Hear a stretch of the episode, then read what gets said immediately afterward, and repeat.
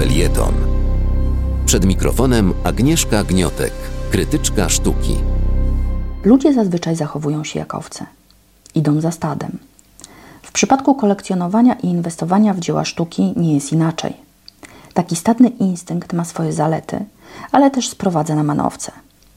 Największe światowe targi sztuki Art Basel oraz UBS, instytucja finansowa zajmująca się bankowością prywatną, inwestycyjną i obrotem papierami wartościowymi, od kilku lat publikują The Art Market, coroczną analizę globalnego rynku sztuki. Analiza obejmuje wszystkie aspekty rynku międzynarodowego i podkreśla najważniejsze wydarzenia z poprzedniego roku. Jest to niezależne i obiektywne badanie, którego autorem jest dr Claire McAndrew, założycielka Arts Economics. McAndrew analizuje globalny rynek sztuki poprzez przyjrzenie się jego różnym segmentom, takim jak działalność galeryjna, domy aukcyjne, zmieniające się wzorce światowego bogactwa i kolekcjonowania sztuki, targi sztuki, sprzedaż online i ogólny wpływ gospodarki na rynek sztuki. Z jej analiz wynika, że 63% wartości sprzedaży na aukcjach sztuki współczesnej zostało wygenerowanych jedynie na dziełach 20 artystów. Mamy tu do czynienia z fenomenem supergwiazdy. Jest wielu artystów, którzy albo w wyniku mody, albo w wyniku działań promocyjnych galerii są powszechnie rozpoznawani. Do mediów trafiają informacje o wystawach w prestiżowych galeriach i muzeach oraz o kolejnych rekordach aukcyjnych odnotowanych przy sprzedaży ich prac. Każdy kolekcjoner lub inwestor staje przed wyborem prac do swojej kolekcji, a ma poczucie, że sam nie do końca jest ekspertem w zakresie historii sztuki sztuki najnowszej. Dlatego dla bezpieczeństwa sięga, sięga właśnie po te rozpoznawalne i powszechnie znane nazwiska. Ludzie poszukują rozwiązań optymalnych dla siebie, a stawianie na pewniaki do takich zdecydowanie należy. W wyniku takiego działania otrzymujemy samospełniającą się przepowiednię. Kolekcjonerzy kupują prace znanych autorów, którzy dzięki temu stają się jeszcze bardziej znani.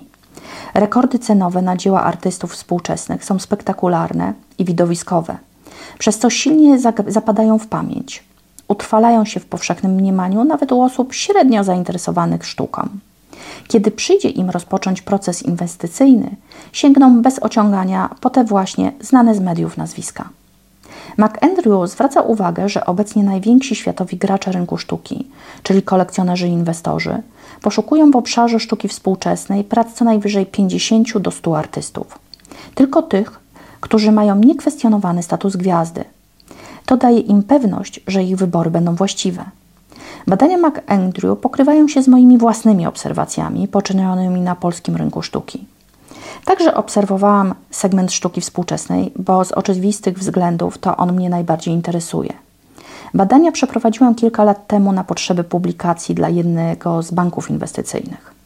Porównałam nazwiska artystów, których prace prezentowane są na wystawach stałych w najważniejszych polskich muzeach, pokazujących sztukę współczesną i cieszących się największym prestiżem. Były to Muzea Narodowe w Poznaniu, Krakowie, Warszawie, Wrocławiu i Gdańsku, a także Muzeum Sztuki w Łodzi, Muzeum Śląskie w Katowicach i Muzeum imienia Wyczółkowskiego w Bydgoszczy. Z niewielkimi odstępstwami lokalnymi każda z tych instytucji prezentuje ten sam zestaw twórców. To około 100 nazwisk. Ta lista jest niemal identyczna z listą 100 najdrożej sprzedających się na polskim rynku sztuki artystów współczesnych. Znów samospełniająca się przepowiednia. Czy taki mechanizm to patologia rynku sztuki? Poniekąd. Jest to jednak także norma. Jakie z tego płyną wnioski? Pierwszy dotyczy udanych inwestycji na rynku sztuki. Warto inwestować w tych artystów, którzy trafi, trafili już do muzealnych kolekcji.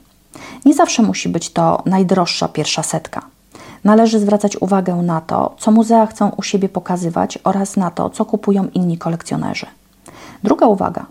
Można pójść też ścieżką mniej utartą i kolekcjonować prace artystów o wybitnym dorobku i osobowości twórczej, którzy jednak nie są jeszcze silnie wypromowani poprzez marketing własnej kolekcji oraz poprzez zdecydowane działania zakupowe, możemy sami wprowadzić na muzealne wystawy posiadane przez siebie ciekawe prace, które umieścimy tam w, w, na prawach depozytu. Zwiększymy dzięki temu pulę artystycznych gwiazd i naszą powszechną wiedzę o sztuce. Wspieraj niezależne Halo Radio, które mówi wszystko. www.halo.radio ukośnik SOS. Dziękujemy.